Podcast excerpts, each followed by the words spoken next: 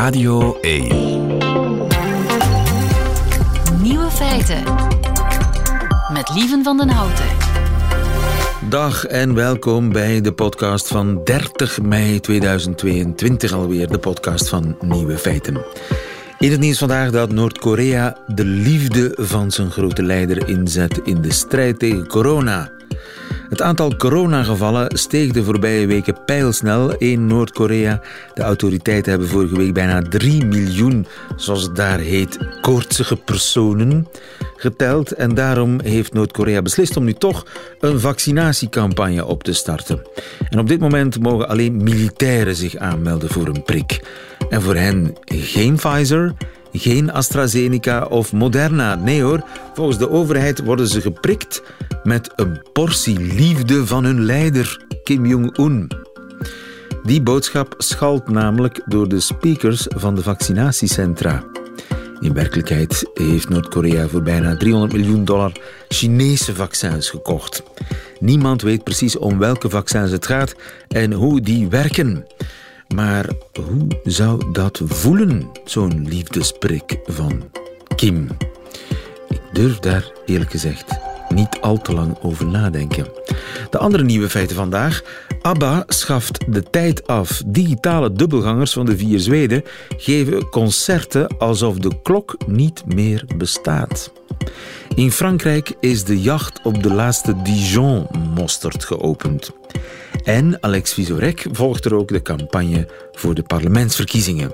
De nieuwe feiten van de Brussels-Iraanse comedienne Dena Vadani, die hoort u in haar middagjournaal. Veel plezier. Vorige donderdag, uitgerekend op Hemelvaartsdag, gingen de vier leden van ABBA, krasse zeventigers intussen, zelf kijken naar hun eigen digitale verrijzenis. Het eerste ABBA-concert in 40 jaar. Zij het zonder ABBA zelf, want op het podium stonden hun digitale dubbelgangers. En dat moet toch wel een hallucinante ervaring zijn geweest. Annie Fried, een van de zangeressen, die wil het zeker nog vijf keer zien. Just that feeling you want to see it again and again and again because there are so many details you cannot comprehend uh, just seeing it once. So yeah, I, I'm really looking forward and also to see the audience reaction again. And Is it surreal to see yourselves on stage? It's a bit surreal, but uh, you get used to it. Um, I mean, after all, we've seen ourselves on pictures and videos from that time almost every day for 40 years, haven't yeah, we? Yeah, we have. Yeah. So, so we're used to it. Ja, ze zijn het gewoon om naar zichzelf te kijken van 40 jaar geleden. Frida en Björn daar, van ABBA voor de microfoon van het Britse muziekblad NME. Een uh, rocktijdschrift waarvan Benny verbaasd is dat het nog bestaat. We still live. We still live, we're alive, Oh, yeah, just like ABBA, we never die. You used to hate ABBA. I don't hate ABBA, No, no, but you, you expressed it. not anymore. No, but I know. welcome to your own premiere. How are you feeling? A little bit tensed, but very, very excited. It will be uh, fantastic to see it all. I have seen bits of it, but uh, you don't believe it. Uh, it's so incredible done with all the technique and uh, the music and the sound and the lighting. Ja, zelfs de notoire mediaschuwe Agneta was van op haar eiland vlakbij Stockholm naar Londen gekomen om haar eigen digitale kopie te komen bekijken. En eh, surrealistisch was het voor de ABBA-leden zelf uiteraard om zichzelf te zien. Frisse zeventigers inmiddels. Om naar hun jongeren zelf te kijken, maar hoe was het voor het publiek? Dat vraag ik aan iemand die erbij was. Peter van Tichem, goedemiddag. Hallo, lieven. Collega bij de Standaard, jij eh, was erbij in die, ja, hoe moet ik het noemen, eh, speciaal gebouwde ABBA, Magical ABBA Space Temple in Londen. De ABBA Arena. ABBA, de ABBA Arena kun je ook zeggen, maar je kunt ook zeggen Magical ABBA Space Ja. Church, want het heeft, iets, het heeft bijna iets religieus, het heeft bijna iets van een verrijzenis. Absoluut. Het is eh, een buitengewone ervaring op technologisch vlak. Hè. Je treedt eigenlijk eh, in een ruimte binnen waar tijd niet meer bestaat, waar mensen eeuwig leven, Ja. als het ware. Het is bijna metafysica. De tijd is gestopt. Want Ja. je ziet hen zoals ze eruit zagen. Ik was er ook bij.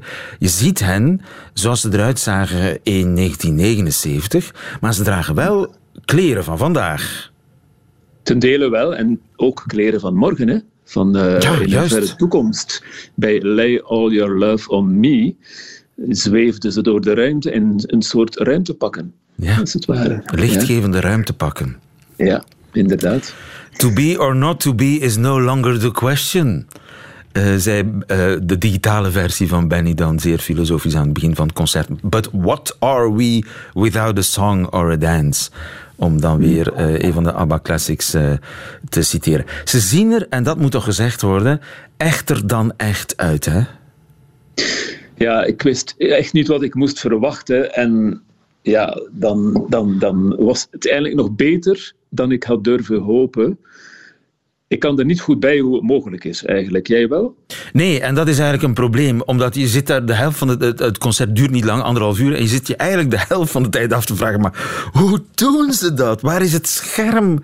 Waar zijn de lampen? Je ziet niks. Het is zo goed gedaan. Nu, het, he- het heeft ook 160 miljoen euro gekost, allemaal 165 miljoen euro, waarvan maar een derde voor het gebouw zelf, dat speciaal gebouwd is. Dus ja, Ja. dat zegt iets. Hè. Er is een soort 100 miljoen euro ingestopt door onder meer... Ja, ik weet niet waar het geld allemaal vandaan komt, maar in ieder geval... Het is eh, de maatschappij die ook de special effects doet voor Star Wars, die, die zich daarmee... Het is echt een showcase van wat er vandaag de dag allemaal kan, technisch. Ja, ik denk dat je het zo moet bekijken. Industrial Light and Magic, dat bedrijf van George Lucas, die hebben duizend man over de hele wereld verspreid, daar heel lang laten op werken, om dit allemaal mogelijk te maken. En George Lucas had, eh, dat bedrijf had nog geen ervaring in het live entertainment, heb ik me laten vertellen. Dat wil dus zeggen dat ze na al die filmeffecten voor Star Wars, voor Harry Potter, voor Aquaman, you name it, dat ze nu eigenlijk geïnvesteerd hebben, en ook de leden van ABBA trouwens, in eh, nieuwe mogelijkheden voor live entertainment. Met natuurlijk die bedenking, wat is live nog dan? Wat is live, wat is echt, wat is niet echt? In die zin is, Ja. het, is het ook een project dat zeer erg de tijdsgeest vat, waarbij we voortdurend met die vraag worden geconfronteerd. Hè? Wat is fake, wat is echt? Ja, absoluut. Het vertroebelt die grenzen. En na de euforie, want het, is een fantastische ervaring natuurlijk om er naartoe te gaan, zullen natuurlijk ook kritische vragen komen die zich stellen. Ja, we, we maken ons zorgen over deepfake. En op deze manier ja, naderen we wel een punt waar we allerlei dingen op een podium of ergens kunnen zien waarvan we ons afvragen, ja, maar is die er wel echt? Want, hou je vast, ik was er met een groep mensen en iemand van hen vroeg, ja, maar was dat live orkest links? Was dat nu echt of niet? ja. ja, maar En inderdaad. dat was wel heel echt. Dus inderdaad, er zit een tienkoppige liveband, eh, drie achter, achtergrondzangeressen en, en eh, zeven muzikanten, die heel goed zijn, jonge gasten overigens. Eh, meest, meest vrouwen, de drummer is vrouw. Eh, Ja, heel die, vrouwelijk, Die, ja. die komen op een gegeven moment zelfs het podium op en die, de, de avatars, of de avatars moet ik zeggen, die, die eh, verdwijnen. En dan zit je inderdaad jezelf af te vragen, ja maar zijn die wel echt?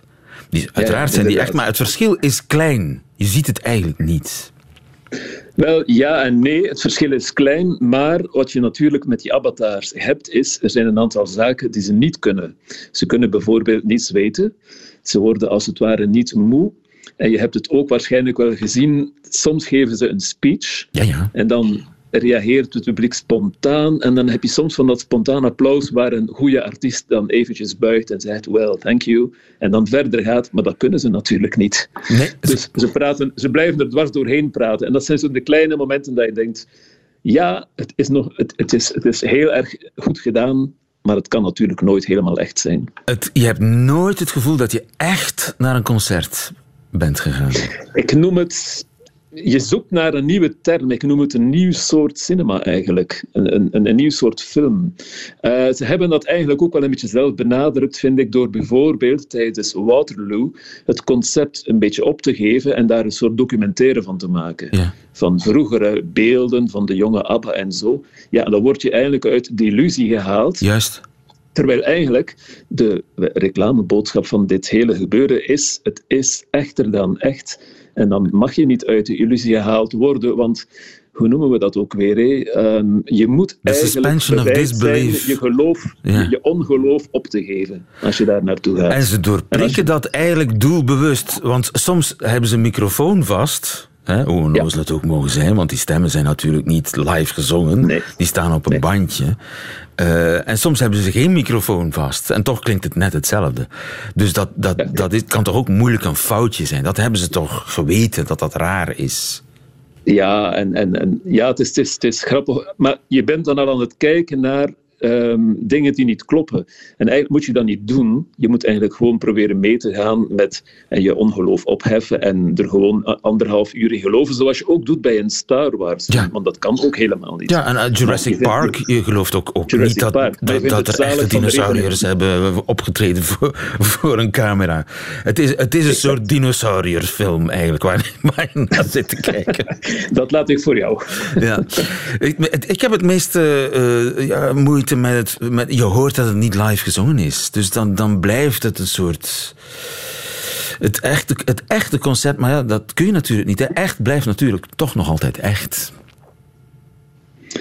Ehm, ja, nu wordt het weer heel lastig. Ehm, nee, het is, eh, het is, nee, het is niet live gezongen, natuurlijk niet. Maar het, het, de stemmen van op band vermengen zich met de stemmen van het background koor. En met ook een heel koor dat dan op het einde verschijnt daar plotseling. En dan is er ook zoiets raars, heb je dat opgemerkt? Bij Fernando wordt de publiekssamenzang gesimuleerd.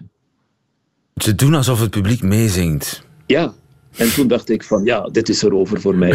ik bedoel... dat De rover, dat bestaat niet in, ABBA, in de ABBA-wereld. Dat bestaat niet. Ja, maar ja, als het een concert is, wat maakt een concert? De publieksparticipatie. It's about being there. En als je er bent, je, ruikt het publiek, je, je voelt het zweet, je staat te dansen. Ja, dat moet wel aangemoedigd worden. Zoals bij Dancing Queen, ik weet niet hoe het bij jou was, maar bij ons stond het publiek toen eindelijk recht. En stonden ze eindelijk te dansen. En dan heb je echt participatie. Maar je moet het publiek als, allee, spontaan laten meezingen. Je, je, moet dat niet allee, kunstmatig st- simuleren. Dus daar zitten ze nog een beetje gevrongen. En ik, ja, ik denk dat dat, dat een, een, een, eh, een weg is die ze moeten gaan. Ja. En die het live entertainment zal gaan natuurlijk. Want hoe, wat zal het publiek hieraan overhouden? Houden we daarvan of niet? Ja, dat is de grote vraag. Zal dit navolging krijgen natuurlijk, hè? Dat is een, een belangrijke vraag. zijn er- ik kan me voorstellen dat er hier en daar plannetjes worden gebroed en rekenmachines bovengehaald. Want ja, het is, nou, je blijft thuis en het concert kan eeuwig doorgaan. Ja, ehm, Benny heeft daarover gezegd dat het toch gemakkelijker is als de modellen nog leven. Om de hele ja, avatar te creëren, als het ware. Juist, want ze Want hebben vijf, weken lang in een soort duikerspakken in een filmstudio ja. gezeten om alle mogelijke, om het zo precies na te maken. Je kunt dat met, met, een, met Freddie Mercury is dat niet meer mogelijk, of David Bowie of Prince. Ehm, in theorie niet, maar dat zal moeten uitwijzen. Want je kan natuurlijk een hele goede acteur heel goed Bowie laten bestuderen en die dan al die bewegingen laten doen. En al de rest van het gezicht wordt gecreëerd vanuit eh, archiefmateriaal van, van video. Hè. Ja. Dus dat wordt daar dan aan toegevoegd. Dus in theorie kan het waarschijnlijk wel. Dat zullen we moeten zien. Ja. Ehm, maar als je heel, daar even op nadenkt, wat er dan niet allemaal kan, ehm, tja, dan, dan kunnen bepaalde mensen weer speeches geven op een podium. En eh, ja, ik vermoed dat de porno-industrie ook wel eh Geïnteresseerd is, ja. Eh, Het is toch echt een, een speerpunt, hè? ABBA in de, in de frontlinie. Toch wel. Altijd, Altijd in- altijd altijd in- technologisch geïnteresseerd geweest. Hè? En ABBA. wie de prefab 4, zoals ik ze dan maar zal noemen, wil Ja. zien, die, die kan dat eindeloos, hè, want het, het loopt nog het hele jaar in Londen en waarschijnlijk daarna ook nog. Want ja, dat ding moet afbetaald worden. Ze hebben een eh, mogelijkheid om vier jaar lang in Londen te blijven, omdat daar eigenlijk een huizenproject moet komen op die grond. Maar je hebt het gezien, hè, het eh, amfitheater, het kan heel gemakkelijk gedemonteerd worden en verplaatst worden. Dus ik stip op Las Vegas, maar Australië zal natuurlijk ook heel graag eh, allee, het hele ding verwelkomen. Daar zit een enorm ABBA-publiek. Dus ja, het kan reizen. Hè. Ze kunnen het ook uitsplitsen. Te kunnen het uitsplitsen. Het kan op verschillende plaatsen tegelijkertijd uh, komen. Wie de Prefab 4 uh, wil zien, ABBA Voyage, uh, zo heet het, die moet naar het Olympisch Park in Londen. Dankjewel Peter van Tichem. En we luisteren naar het openingsnummer van het concert. En dit is niet live, voor alle duidelijkheid.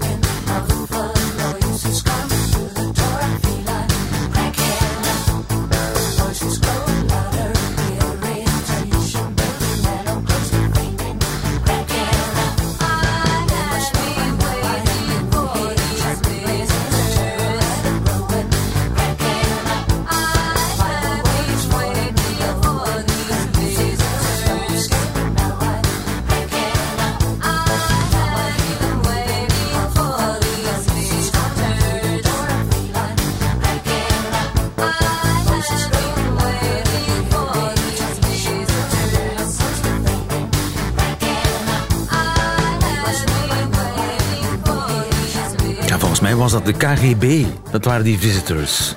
Dat speelt zich af in de Sovjet-Unie. Inderdaad, zo lang is het geleden.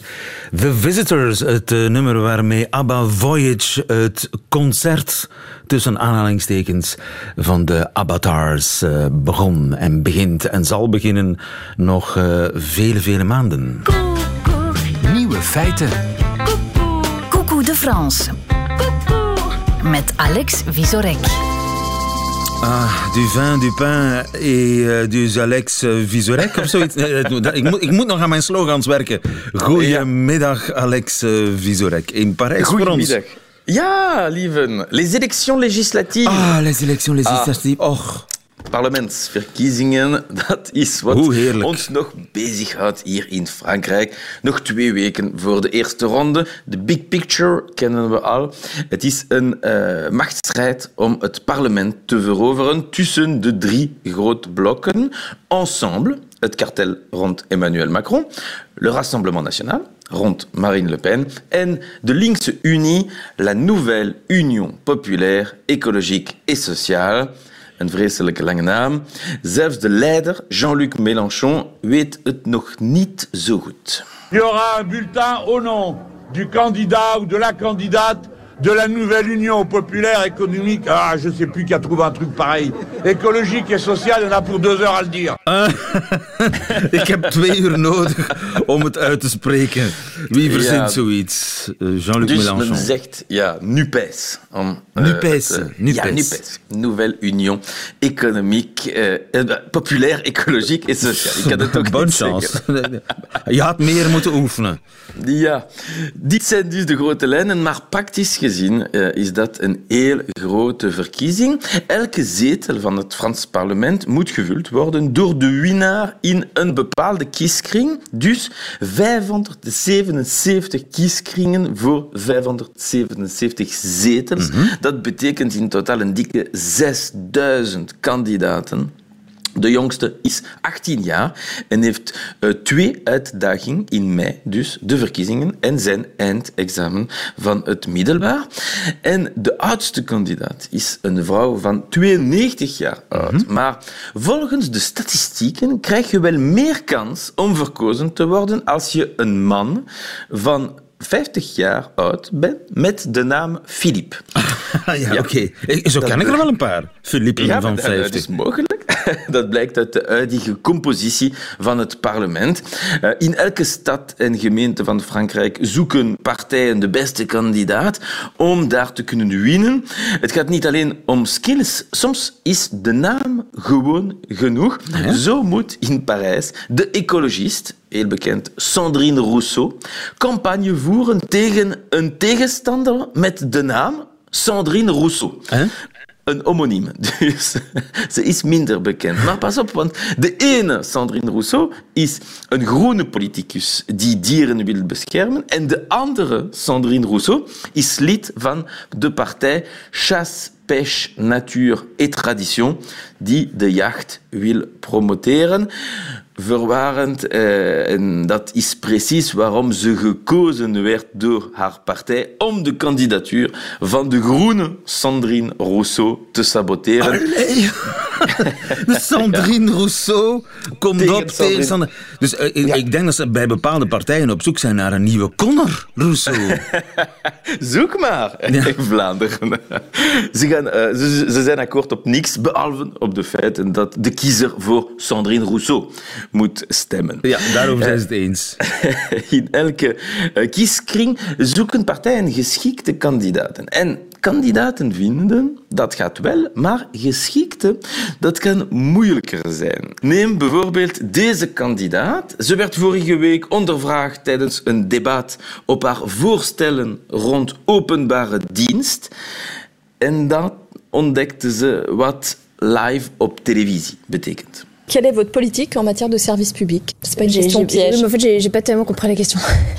Je suis désolée. Est-ce qu'on pourra couper cette partie? J'ai vraiment pas compris cette Des question. Alors, on peut pas couper parce que c'est c'est pas possible.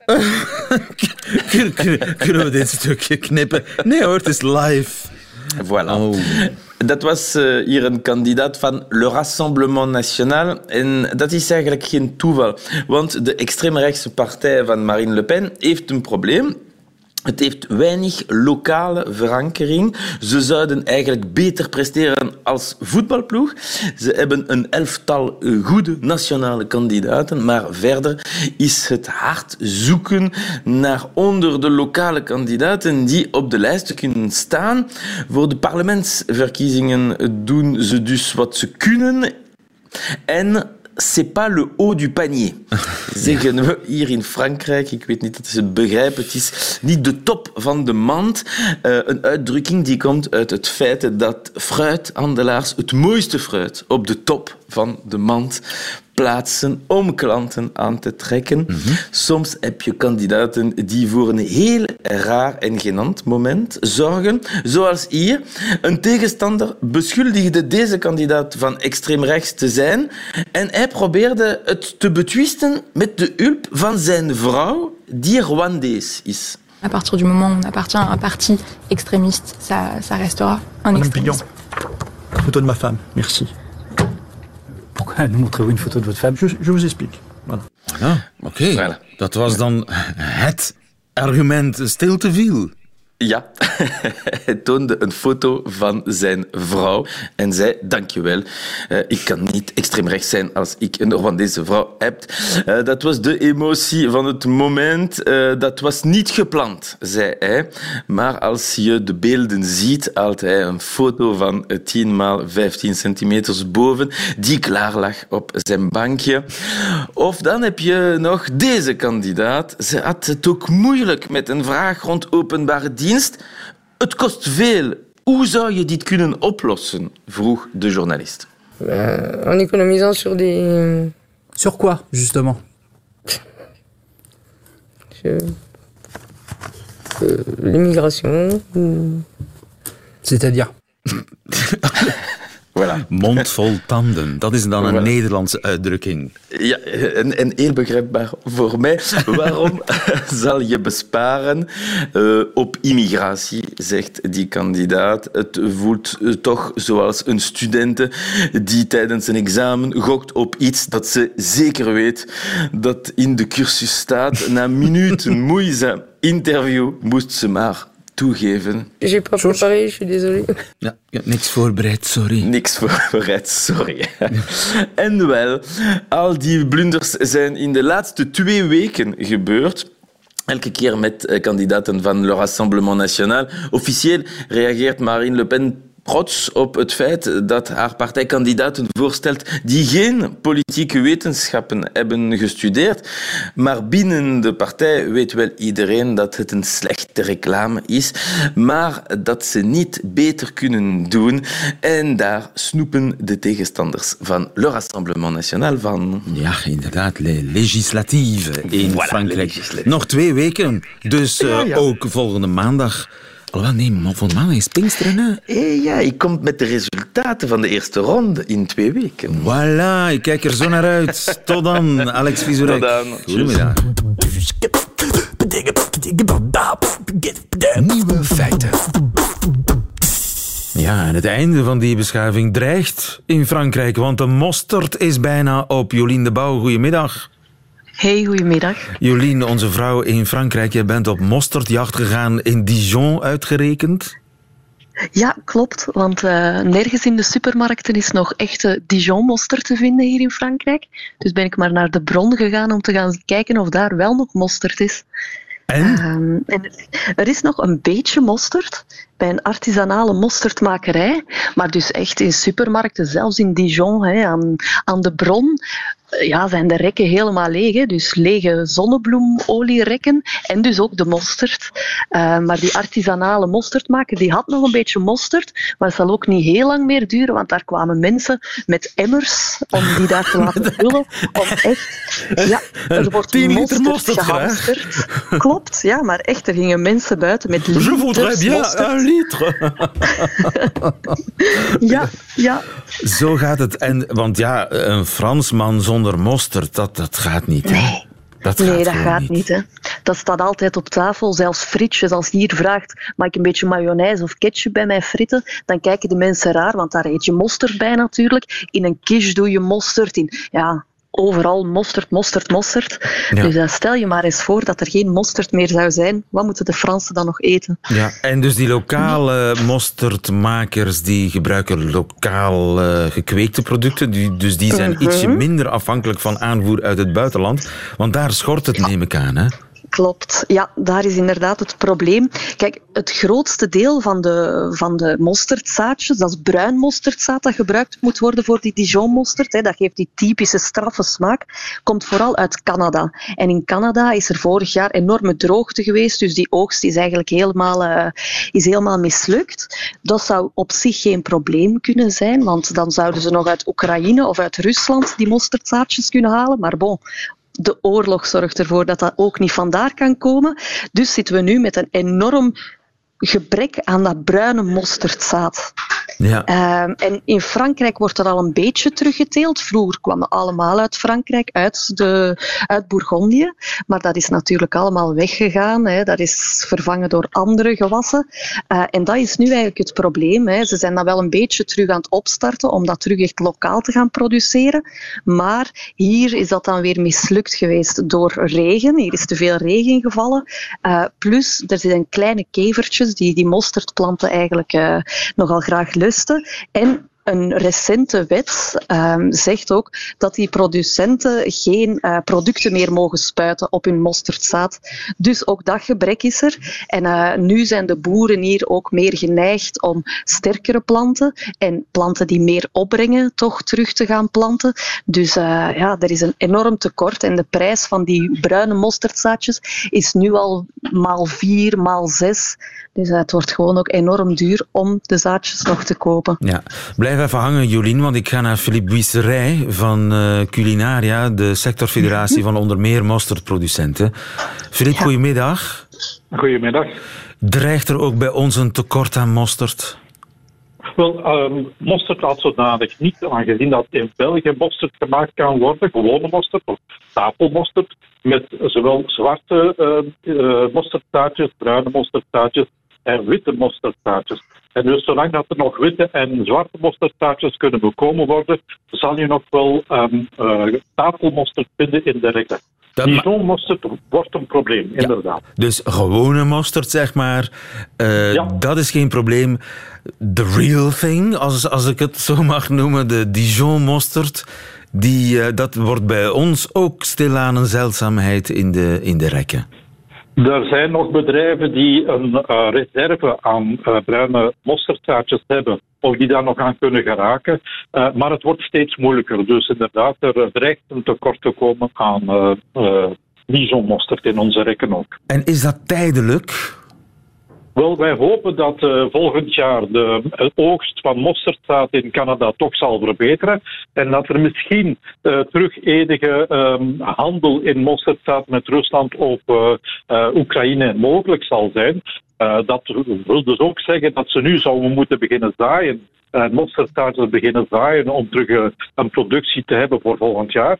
Uh, ja, dat is koffiedik kijken, maar de meeste van mijn producenten vrezen nog meer prijsstijgingen en nog altijd penurie, dus tekort aan mosterdzaadjes in de sector. Ook in India is er bruin mosterdzaad te maar blijkbaar hebben testen aangegeven dat het niet dezelfde textuur en dezelfde smaak geeft als diegenen die komen uit Canada of uit Rusland en Oekraïne. Ja, ja Jolien, dat worden dus eh, donkere maanden hè, die komen aan de Franse... Ja, ik heb wel mijn potje ook al ingeslagen. Jij, jij hebt uh, je meer dan, geef het maar toe, je hebt meer dan een potje meegebracht uit Dijon volgens ja, mij. ik heb nee? gehamsterd. Ja, ja. Ik heb gehamsterd. Zoals zoveel Fransen. ja.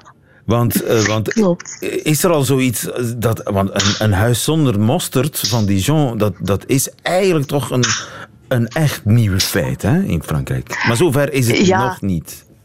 Nog niet, maar er zijn al heel, veel, heel wat chefs die creatief proberen om te gaan met het uh, mosterdgebrek. Dus die geven dan tips om mosterd te vervangen. Maar ik heb daar toch ook in Dijon heel veel mensen horen zeggen: nee, wij willen de real thing. Wij willen uh, de echte mosterd van Dijon. Ja.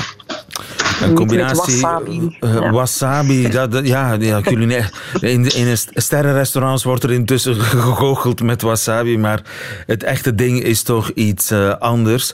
Een combinatie van uh, mislukte oogst in Canada en de, de problemen in Oekraïne en met Rusland zorgt ervoor ja, dat het eten toch een beetje minder smakelijk wordt in Frankrijk. In de hoop dat er snel verbetering komt in de situatie. Dank ik Jolien de Bouw, onze vrouw in Frankrijk. En ook bedankt Filip Buisseret van Culinaria. Goedemiddag. Dag. Dag. Radio 1.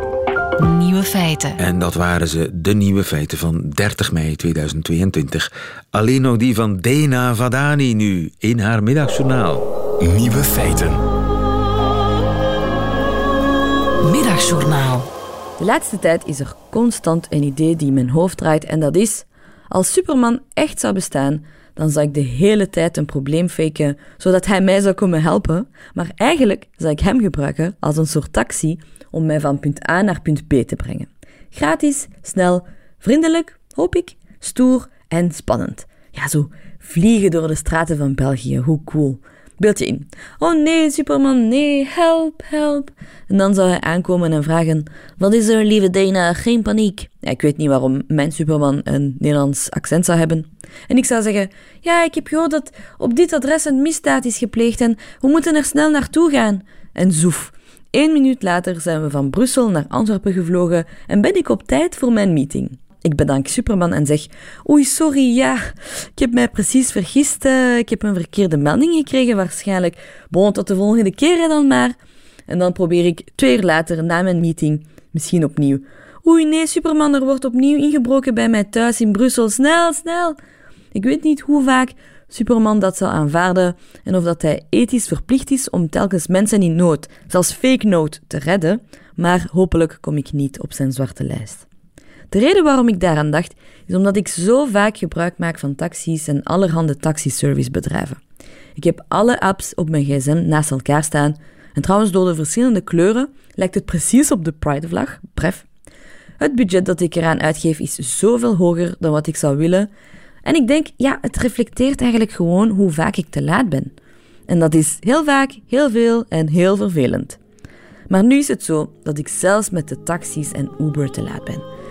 Veel files, veel andere mensen die te laat zijn, waardoor de wachttijden voor een auto ook oplopen. Help, Superman, help! Maar recent heb ik een concretere oplossing gevonden. Ik heb op mijn dertigste eindelijk leren fietsen. En dat was spannend. Het gevoel van vrijheid, mijn evenwicht die ik nog een beetje leer overmeesteren, de wind die op mijn gezicht blaast, de snelheid. Of ik nooit meer te laat ga zijn, weet ik niet. Tot Antwerpen fietsen is ook niet direct mijn plan, maar ik begin bij het begin en voor korte afstanden zal ik op tijd zijn en geld besparen. En dat is pas super, man.